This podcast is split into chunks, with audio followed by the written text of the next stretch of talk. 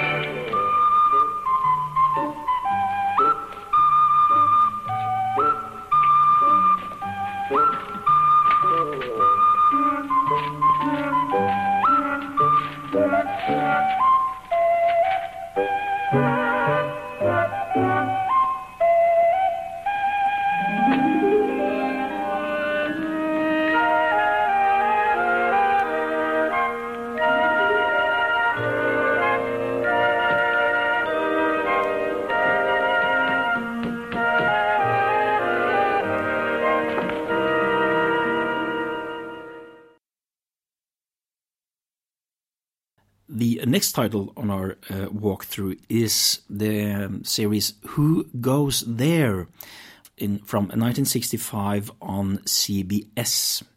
And uh, this is yet another unsold sitcom pilot that Williams did in early 1965 and this time with an absurd premise. You have a family that moves into a house with with a painting of General Custer on the wall, as well as his sidekick, the Native American running dog, uh, a very stereotypical one by today's standards. Uh, and Custer, uh, played by Pat Hingle, uh, and Running Dog, they occasionally materialize from the painting and cause uh, well poltergeist like mischief. It's it's really ridiculous. So it's not really surprising i guess why it was never picked up. However john williams theme for the show is insanely catchy. I, i've had it as an earworm plenty of times over the years with a harpsichord figure that seems to be the go-to instrument for paranormal stories at the time uh, and there are also some sort of semi-Western figures throughout. Uh, so I'm going to play that theme, which also includes the vocal statements of the title, uh, Who Goes There, as well as a brief cue for uh, the opening.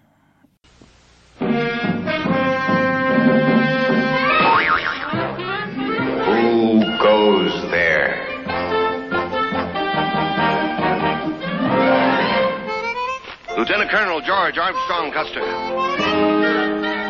Who goes there? How? Me, running dog. Who goes there? I'm Helen Woodley. And I'm Tom Woodley. He's my brother Larry. She's my sister Liz. Moving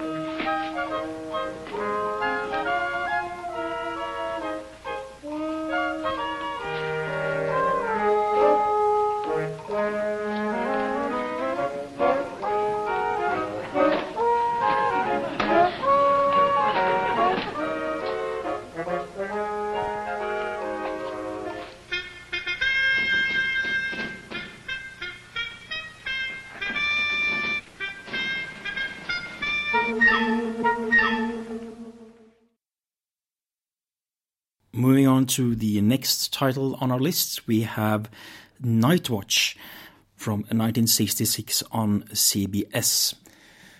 And this is yet another unsold pilot, but this time with a slightly more interesting backstory, in my opinion. Because we have to rewind all the way back to Kraft Suspense Theater now, and the Robert Altman episode Once Upon a Savage Night, also known as Nightmare in Chicago in its film version. And as you might remember from part three of our series, this was an ambitious episode shot exclusively on location during nighttime with special cameras that could catch light uh, well. And although uh, Robert Altman was struggling with his uh, relationship to network television at the time, this was one of the things that inspired him to pursue uh, this concept that uh, Night Watch became. Um, originally titled Chicago, Chicago, it was eventually renamed Night Watch and is the story about uh, an interstate police agency patrolling the Great Lakes. Uh, again, shot on location and plenty of nighttime scenes. Uh, the pilot, named uh, The Suitcase, uh, is about the hunt for a Swedish sailor after he jumps ship carrying a piece of luggage that, uh, unbeknownst to him, contains a time bomb. Uh, the show was in the running for the fall season of 1966 on CBS, but was eventually discarded in favor of another show from Desilu Productions that would go on to great fame, of course, and I'm speaking of Mission Impossible. Uh, Night Watch, on the other hand, ended up being shown on television in 1968 as part of a series on unsold pilots, uh, then under the name A Walk in the Night. And it was shown again in 1971 as part of another pilot show, but then um, never again after that, as far as I know. Now, I've been unable to find this pilot and see it for myself, um, unfortunately, but due to our great luck, the music got a soundtrack release on FSM in 2011. And that is actually, uh, with the exception of Pete and Tillie, uh, the last time we got a previously unreleased John Williams score. Um, imagine that. Oh, I miss Film Score Monthly. Um, but uh, so, for those uh, of you who are wanting to read more about the story of this episode and its musical content, I suggest you get that CD and read the interesting liner notes by Jeff Eldridge. Uh, this is, after all, another um, element in the important Robert Altman John Williams collaboration. Uh, meanwhile, we need to play a couple of tracks from the CD, and for the most part, this is a rather brooding score with plenty of percussion and rumblings in the lower register.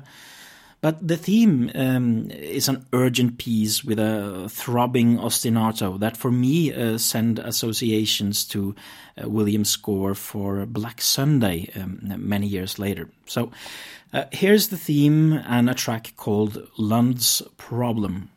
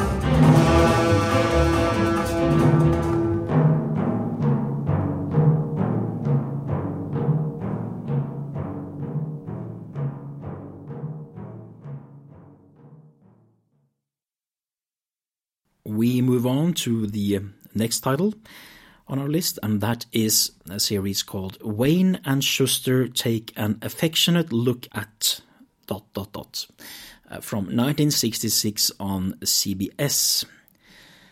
Now, Wayne and Shuster, um, that is Johnny Wayne and Frank Shuster, uh, they were um, a comedy duo that was quite popular in the US at the time. Not so much overseas, I think. Um, I don't know. I'm, too young and, and too Norwegian to, to know for sure. Um, but in 1964, they created a series of short documentaries about other comedians that they loved and admired, but which then aired in, in, in 1966. Uh, these episodes were about, um, for example, W.C. Fields, uh, Abbott and Costello, the Marx Brothers, Bob Hope and Bing Crosby, and George Burns, for example. And the style was kind of, how should I say, newsreel combined with comedy more than traditional documentary, I suppose. Now, it has taken me a while, um, but with the help of a fellow um, television historian, Derek Bang, we've managed to find eight of the nine episodes for the series. So we're actually able to do an episode by episode walkthrough. Um, I never expected that a few years ago uh, due to the obscurity of the series. So, anyway, episode one W.C. Fields um, an episode about Fields, who was primarily known in vaudeville. Uh, and the episode shows some of his performances in, in that arena, uh, where he usually plays this kind of um, a grouchy or irritated person. And for some of these scenes, there is original uh, John Williams music. Uh, he also reuses the theme for the show several places. Um, in fact, the, the, the, series theme is used in many of the episodes proper as well. Uh, and I think it all came from this first um, first episode. And here's a small snippet from that.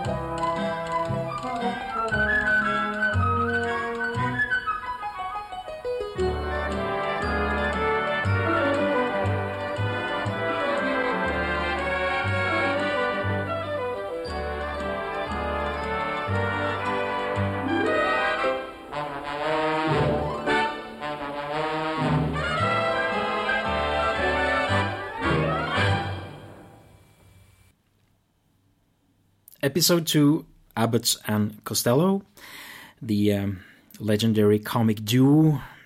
Uh, and the new element here is that uh, John Williams writes this very, how could I say, urgent main theme that runs through it, uh, as well as more um, slapstick like variations of the, um, the main theme.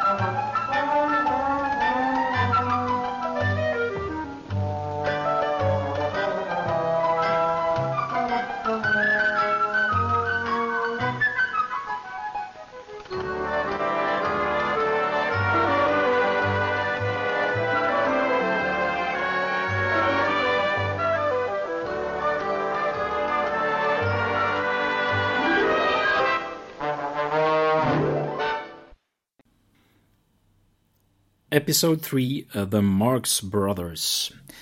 Should be famous to all of you uh, Chico, Harpo, Groucho, Gummo, and Zeppo. Uh, Marx, the brothers who, who, really dominated comedy in the, the first part of the 20th century, along with Chaplin and Buster Keaton and, and all the other ones. And fortunately, since their a lot of their comedy was physical and not so reliant on dialogue, it means that John Williams gets to score several sequences here, like the famous mirror skit, for example, without any other sounds. And that's why I'm able to present um, a full four minutes of score here, complete with some of the uh, slapstick elements that were also, you know, prevalent in shows like Gilligan's Island. And again, he has a lot of fun with his main theme uh, from the series in long, uh, extended uh, takes.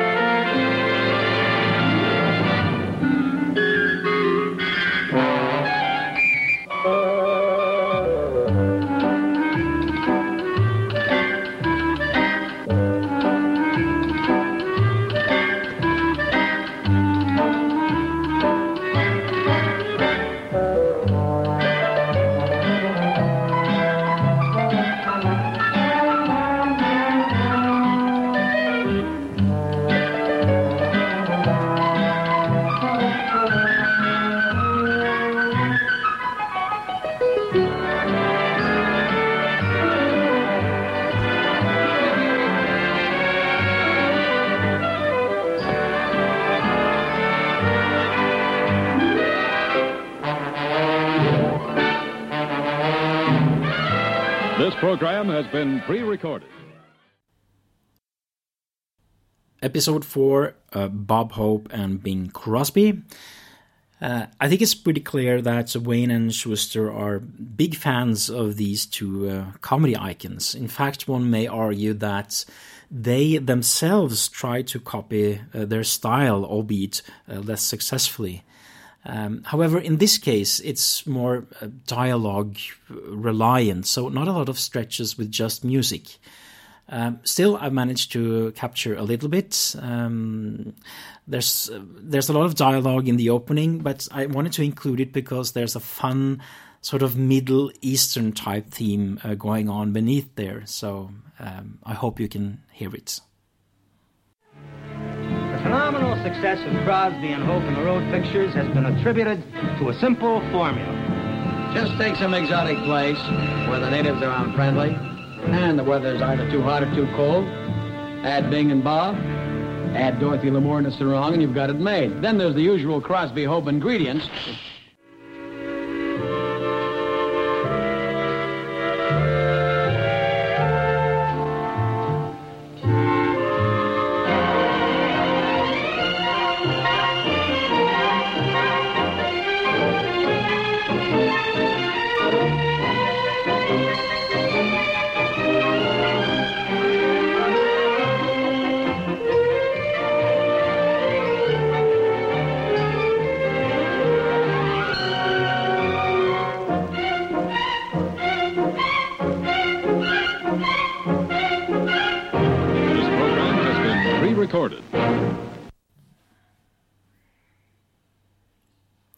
Episode 5 George Burns.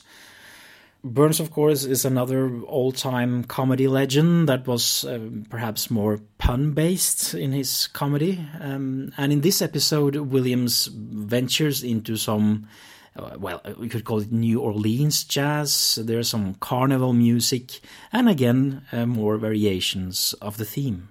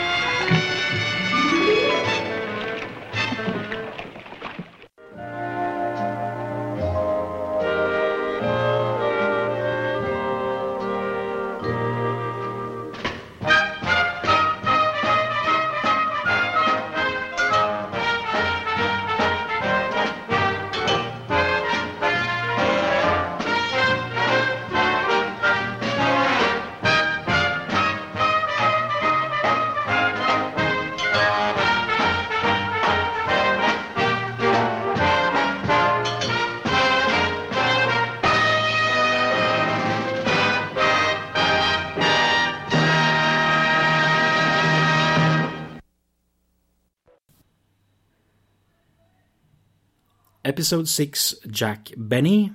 Uh, in fact, I'm not sure if it is episode 6 because I've been unable to find the correct episode number for this one, but let's just put it in there as number 6 for the moment. Uh, Jack Benny, of course, uh, both an entertainer and a comedian known for his comic timing. Uh, but there isn't a lot of music in this presentation. The, the quality is really bad, and most of it is under dialogue or sound. But uh, here's at least the ending of the episode uh, with a baroque like violin melody that may or may not be Williams' uh, original. I don't know.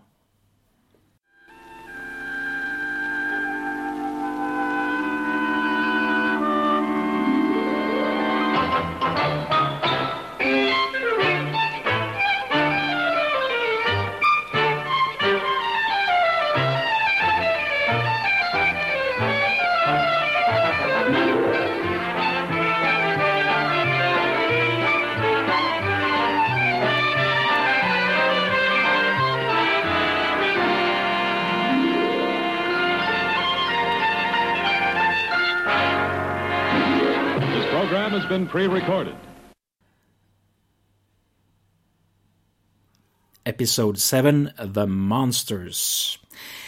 Wayne and Shuster now Wayne and Shuster now branches out to other things beyond comedians, looking at the famous film monsters like the Phantom of the Opera, Dracula, Frankenstein, and the Wolfman, uh, played famously by the likes of Bela Lugosi, Boris Karloff, and Lon Chaney Jr., uh, among others. Now, the most hilarious thing in this episode is how wildly off mark Wayne and Shuster are when describing, especially Frankenstein, as this monster that that sort of had it coming, and that the success of the film was because audiences liked to see him tortured and stuff like that. It's really outrageous because Frankenstein's monster was a misunderstood creature that you're supposed to sympathize with. That was also the original intention. So they're way off in, in their uh, descriptions here. But regardless, uh, it does allow William the opportunity to play around with melodramatic horror tropes, with growling brass and strings and eerie flutes. So in this case, I'm able to play a full five minutes of rather challenging uh, modernistic music. But there's also a cool bit for church organ um, in the middle here. よし!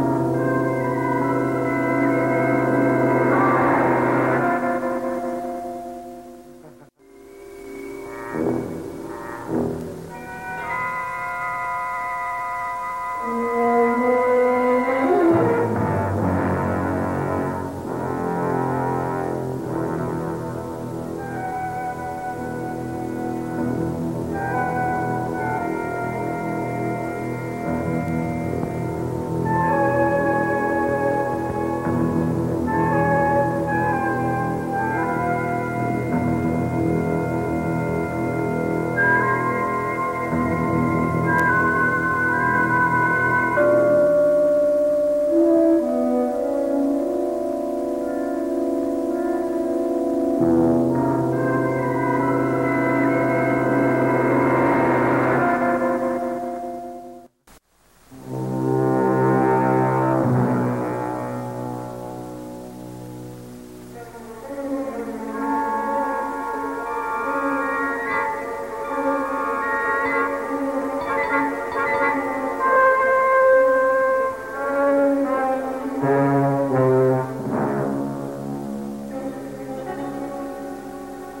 message goes unheeded, and the Phantom is as good as his word.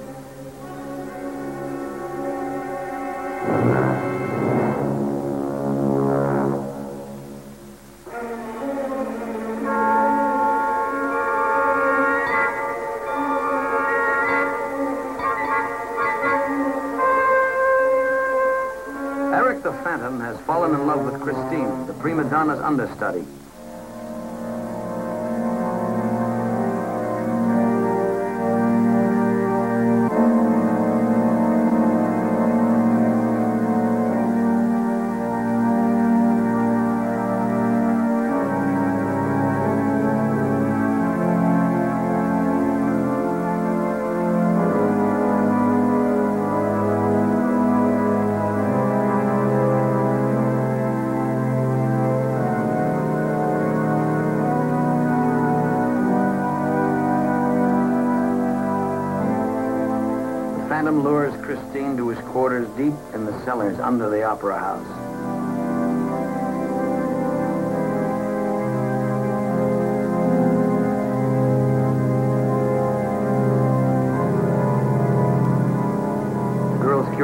Gets the better of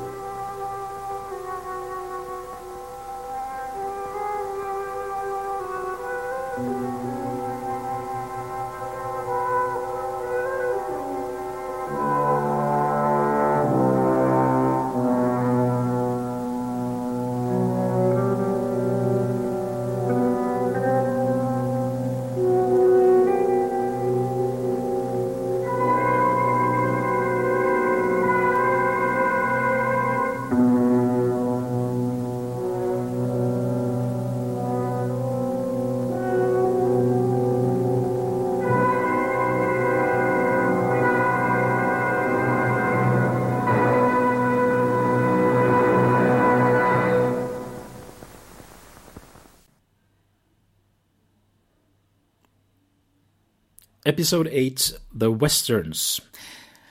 Again, branching out beyond comedy, the uh, episode takes a look at the Western genre and its stars at this point in time. Now, uh, Williams, of course, is no stranger to writing Western music at this point. He's um, already done things like Wagon Train and Tales of Wells Fargo and so on, so it comes pretty easily to him. Uh, this is also right before he does the feature film westerns uh, like uh, The Rare Breed and The Plainsman uh, in 1966. So in this case, I'm able to play more than six minutes of music that runs the gamut from uh, traditional Copland-esque uh, western to more dramatic suspense material. And lo and behold, wouldn't you know it, both his Tomorrow and Golden West themes from Wagon Train pop up again. This time in a saloon piano and a solo harmonica version, respectively. Uh, and you can hear both of them uh, in this suite.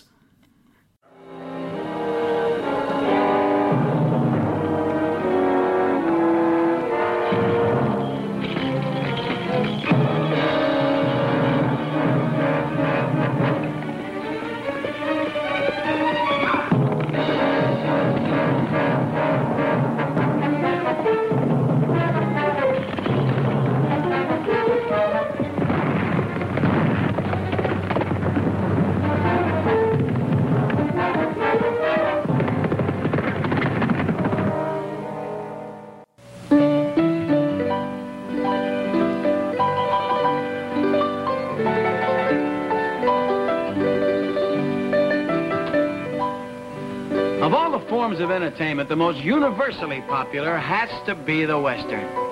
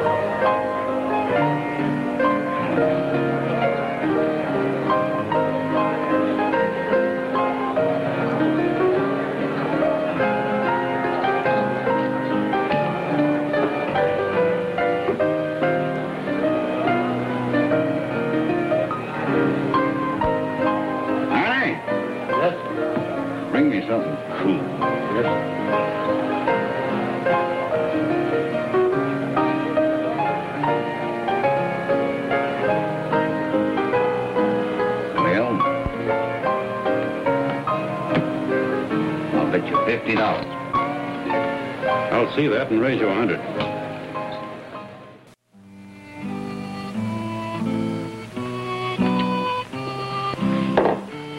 Well, here's to the good guys and to the bad guys. May they always go that way, and may they always be with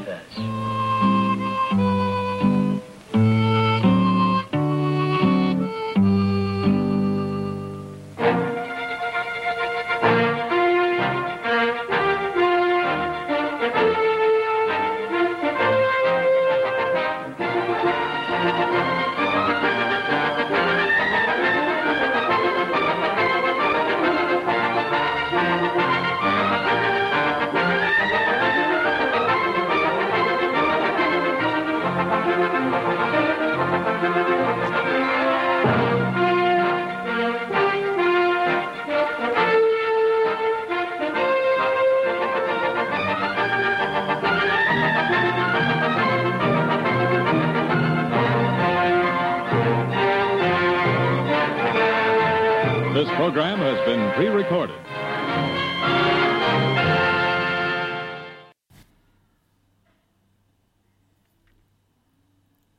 Episode 9 is about Mae West, the famous singer, actress, comedian.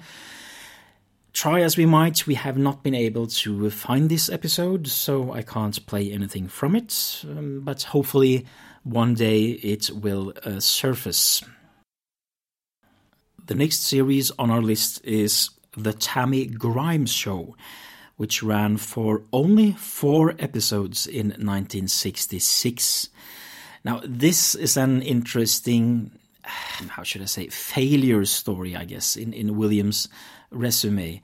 Um, Tammy Grimes, who was a pretty big film star at the time, wanted to have her own show, much like Lucille Ball in I Love Lucy. So a pilot was produced uh, with Grimes playing a heiress called Tamantha Ward, uh, who's inherited a fortune along with her brother, but their trust fund is supervised by their uncle. Um, ten episodes were filmed, but only four were actually broadcast before ABC pulled the plug uh, due to poor reception. Uh, perhaps due to Grimes' role being uh, unsympathetically aristocratic or something. Uh, now, John Williams, he wrote the theme for the show. Uh, in my opinion, the wackiest, but also catchiest thing that is ever written with a female chorus uh, singing yeah yeah throughout uh, a little bit like his later comedy scores for penelope and, and not with my wife you don't for example. Uh, additionally he wrote the score for the first episode uh, at least the first episode produced called how to steal a girl even if it's only me about Tammy being kidnapped for ransom, but she goes willingly along because it might help her wrestle some charity money out of her uncle. Uh, it's all very uh, goofy, I would say. Uh, after this episode, Warren Barker takes uh, on the role as composer for the remaining episodes, uh, at least those that were aired. And uh, we don't really know if Williams wrote more music for any of the other filmed episodes that went unaired, um, but I seriously doubt it. Uh, and except for two episodes that were ready for broadcast, the remaining episodes didn't even make it to post production. It's also very hard to rip any audio from it since it's mostly variations on the theme for intros and outros. There's also a little bit of suspense music for the kidnappers that is all under dialogue and sound effects. And the video and sound quality are really bad, but we can play the the absolutely delightfully wacky uh, theme at least.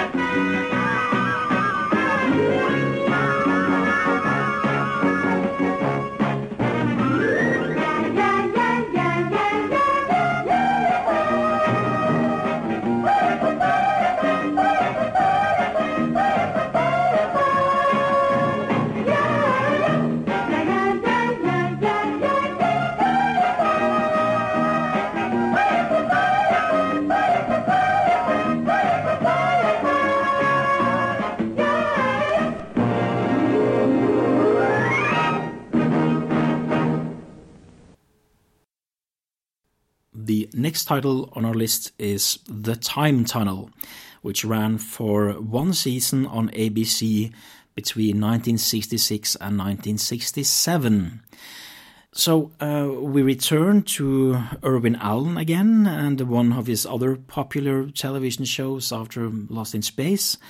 And this one I have a very nostalgic connection to, as I sometimes watched it in syndication on Super Channel in the 80s. Uh, now, the premise is a secret underground facility in Arizona that develops a time machine, a time tunnel. And to secure further funding, they must send someone through. Uh, Doug and Tony, um, played by Robert Colbert and James Darren, respectively, uh, they travel through, but they get lost in time uh, actually for the remainder of the series. Uh, much like in Gilligan's Island, where they never get off the island. But some great adventures in the meantime, like the Battle of Alamo, the eruption of Krakatoa, and, and other things.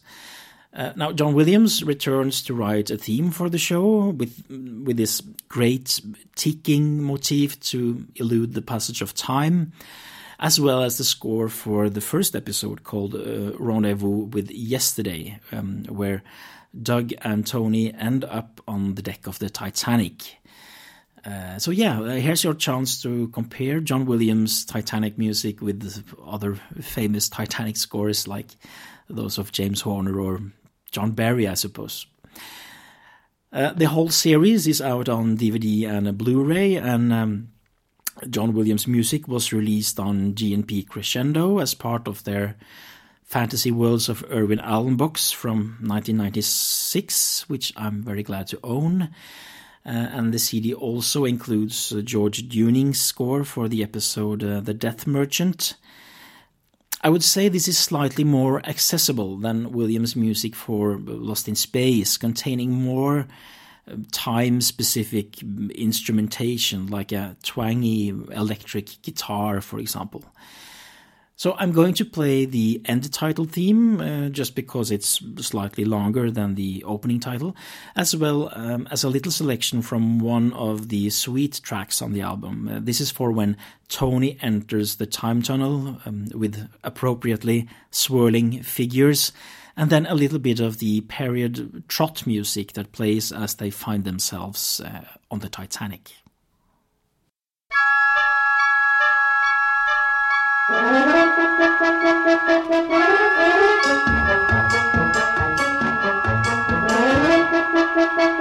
you.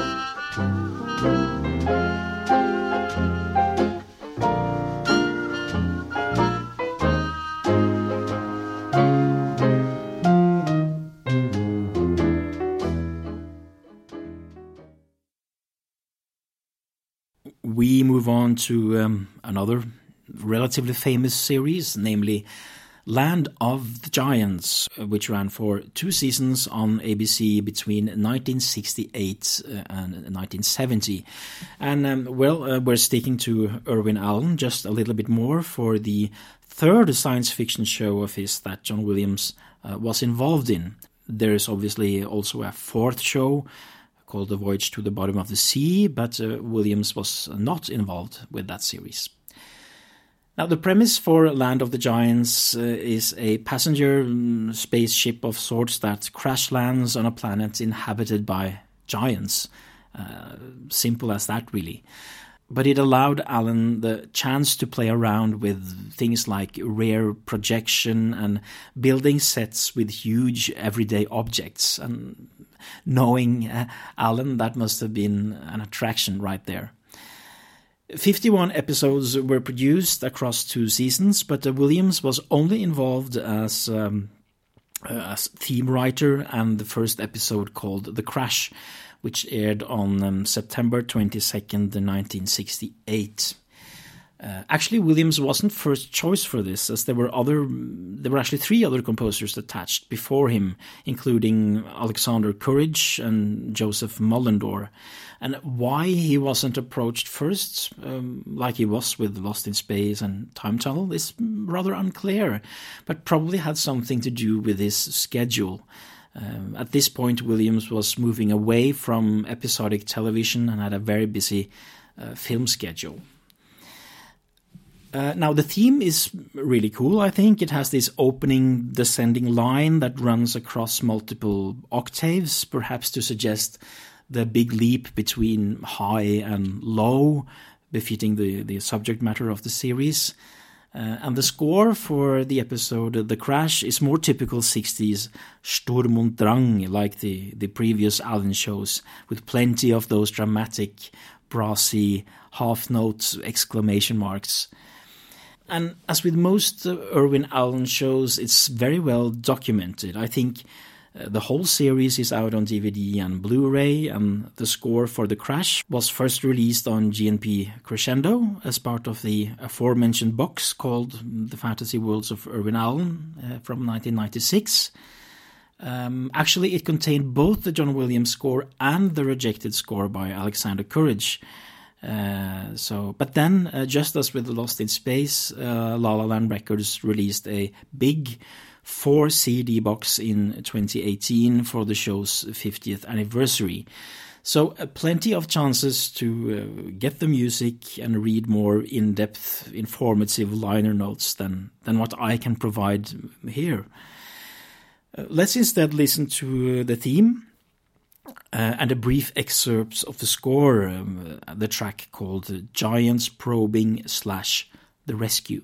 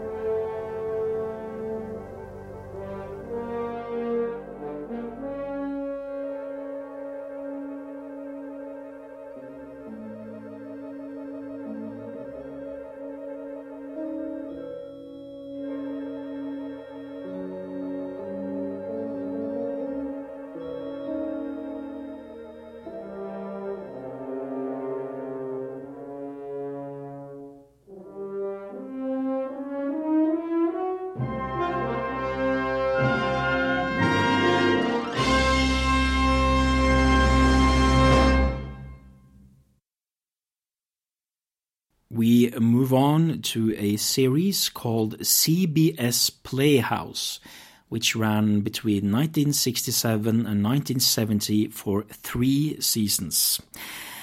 This uh, was an anthology show featuring original screenplays, or rather teleplays as we call them, with each episode of feature film length, uh, 90 minutes. Uh, the show had a theme by none other than Aaron Copland, and I assume it was an original theme and not based on one of his existing compositions. While John Williams scored one episode called Saturday Adoption, the second episode of the second season, and which aired in this December of 1968. Uh, the episode had been written by a 23 year old man called Ron Cowen and was the story of a young white man about to enter law school who meets a young black man, Macy, when he volunteers to tutor urban youths. Uh, and the episode discusses the issues surrounding the differences between uh, the black and white worlds at the time. A little bit like Conrack, I think. The, uh, it sounds like from the premise. Now, why on earth would John Williams do a television episode so late in his career when he's put the days of episodic television behind him? Uh, if Land of the Giants seemed more like a favor for Allen, then how come he does this with an even later premiere? Well, I don't know for sure, but I can think of two reasons. One is that it's more like a movie with its 90 minute running time, and two, perhaps more importantly, it's directed by Delbert Mann. Uh, Mann, of course, was a noteworthy director who had um, enjoyed success with his film Marty in 1955. Uh, there's Separate Tables in 1958, which, by the way, had a great David Raksin score but he was eventually drawn into television. However, Mann and Williams had worked on the feature film Fitzwilly the year before, in 1967, and would continue working on three more television projects over the next couple of years. Uh, this is a short but very fruitful collaboration that we now enter the Delbert Mann John Williams collaboration. Sadly, um, I've been unable to locate the series and the episode, despite my best efforts, so I can't play any clips for you. But I do know that the whole CBS Playhouse series uh, exists in various archives, like UCLA or the Paley Center for Media, and you can go there and order VHS copies for viewing. Uh, but unfortunately, since I live on the other side of the world, um, that's kind of difficult. So I, I, can only hope that it will uh, become available digitally at some point and that it will be possible for foreigners like me to order and, and view it.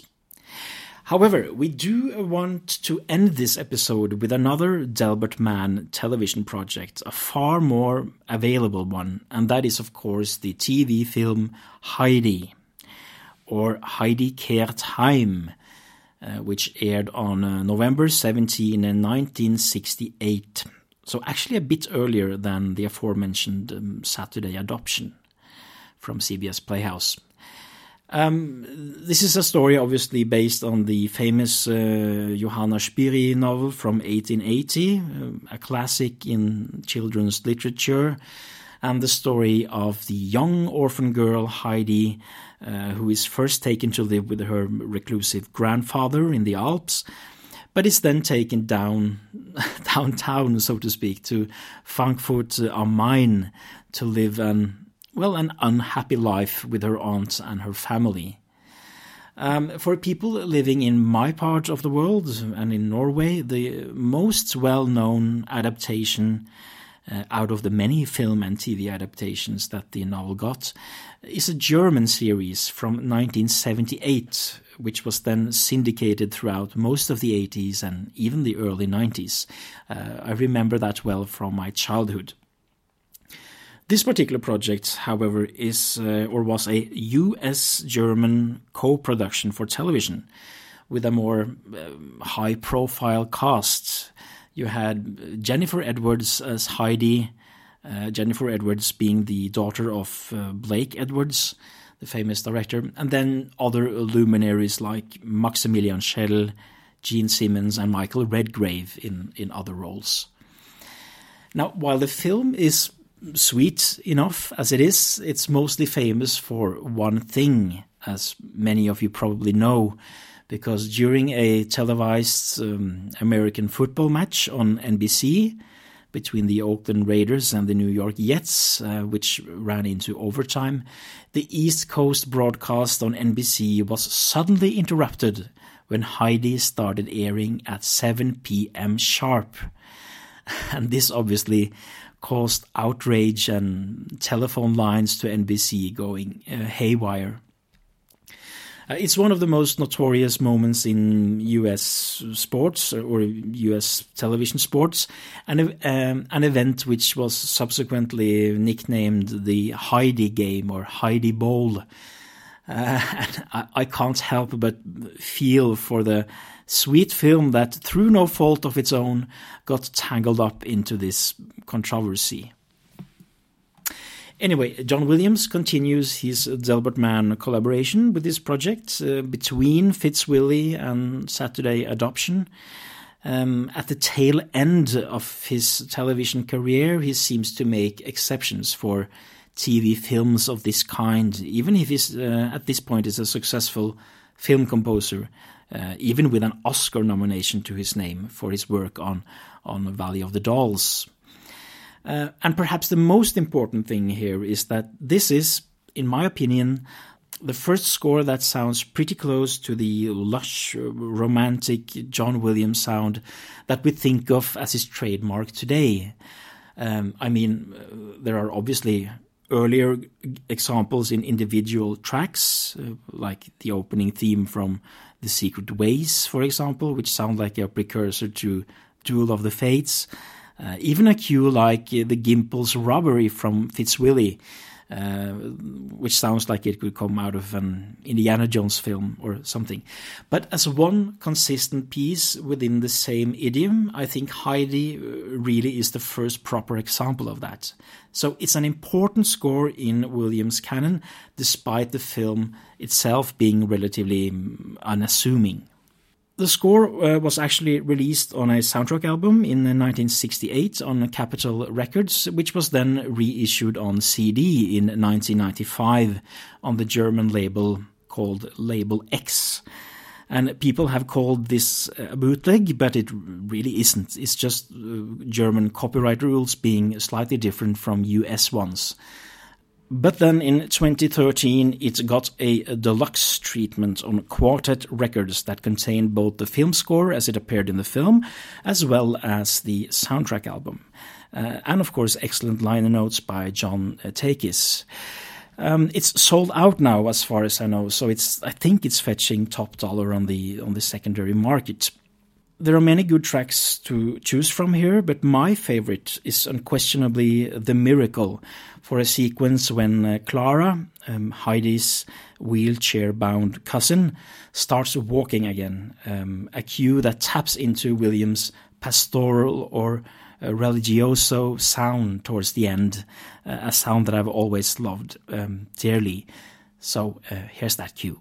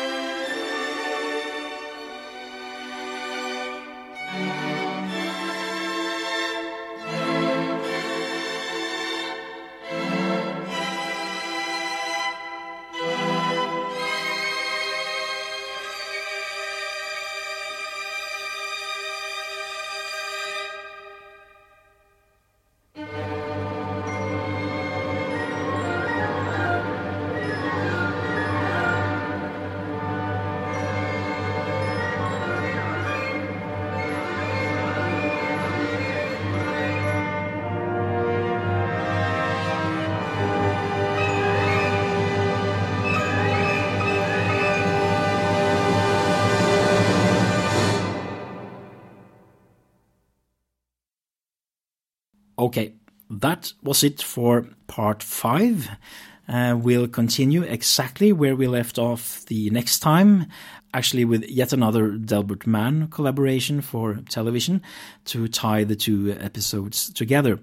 And um, that will also be the last part of our series on John Williams television music. Um, feel free to make comments below or um, send me an email. Uh, and obviously, I would be thrilled if you share the episode uh, in your social media. But until next time, I wish you all a happy uh, listening.